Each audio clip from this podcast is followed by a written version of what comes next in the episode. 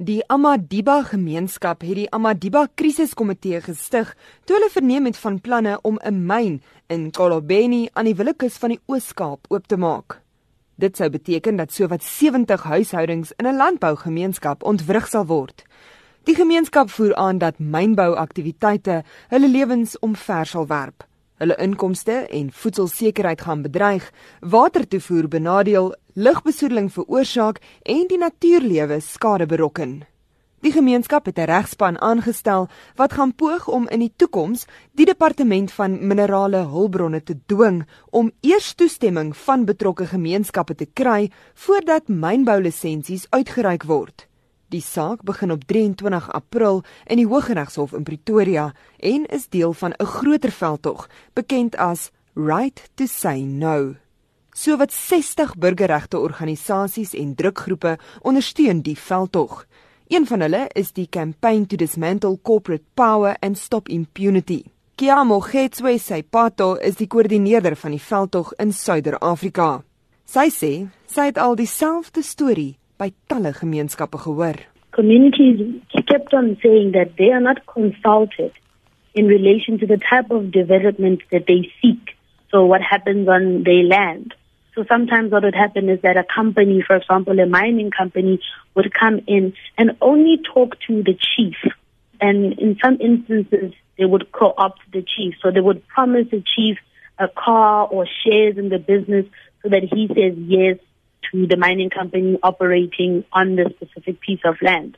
So then community members will only know that something is taking place when big tractors and big machinery comes on their doorstep and they're being displaced, you, you know, from or dispossessed or their land is being taken away from them. Sepato sê die kwessie is nie eie aan Suid-Afrika nie.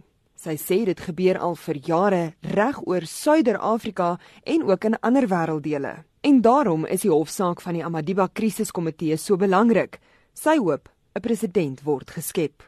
When the court case goes in accordance to what we would like to see, we're hoping that different communities the region, in different countries in Africa and globally can use this iconic court case as an example. So we're hoping community members in Ecuador, community members anywhere else in Latin America can say there was a mining affected community in South Africa that pushed to stop any form of mining on their land. Therefore, we could also do it. Irrespective of the type of development, it could be mining, it could be deforestation that's going to take place so that they can sort of clear land for agriculture, those kind of things. We consider it as a historic and iconic case. 'n Regskenner verbonde aan die Universiteit van Pretoria, Dr. Llewellyn Koloos, sê die saak gaan met 'n valkoog dopgehou word omdat dit rigtinggewend kan wees vir die toekoms. Indien die aansoek slaag, sal dit natuurlik 'n carte blanche wees vir die departement. Sou dit nie slaag nie, dan dink ek is dit rigtinggewend in die sin van die rigting waarin ons howe hierdie aangeleenthede bestempel, naamlik dat geen sodanige lisensies uitgereik behoort te word sonder dat die plaaslike gemeenskap nie geken moet word nie. So ek dink tot daardie mate is daar 'n presedent wat geskep sal word en ons sal met groot uh, afwagting uitkyk na hierdie aangeleentheid.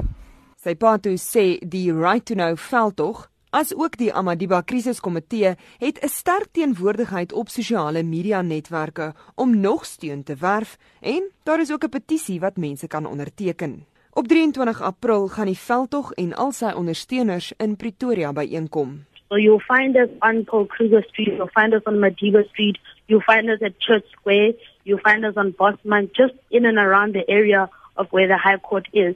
And we'll be there standing with the paper-based petition. So we're asking people to come down to us, sign the petition, and they will receive a postcard. And each postcard is a handwritten postcard by one of the community members. Kia Mogetswe Saipato is die koördineerder van die campaign to dismantle corporate power and stop impunity. Die saak gaan na verwagting tot 25 April duur. Ek is Henry Wondergem vir SAK nuus.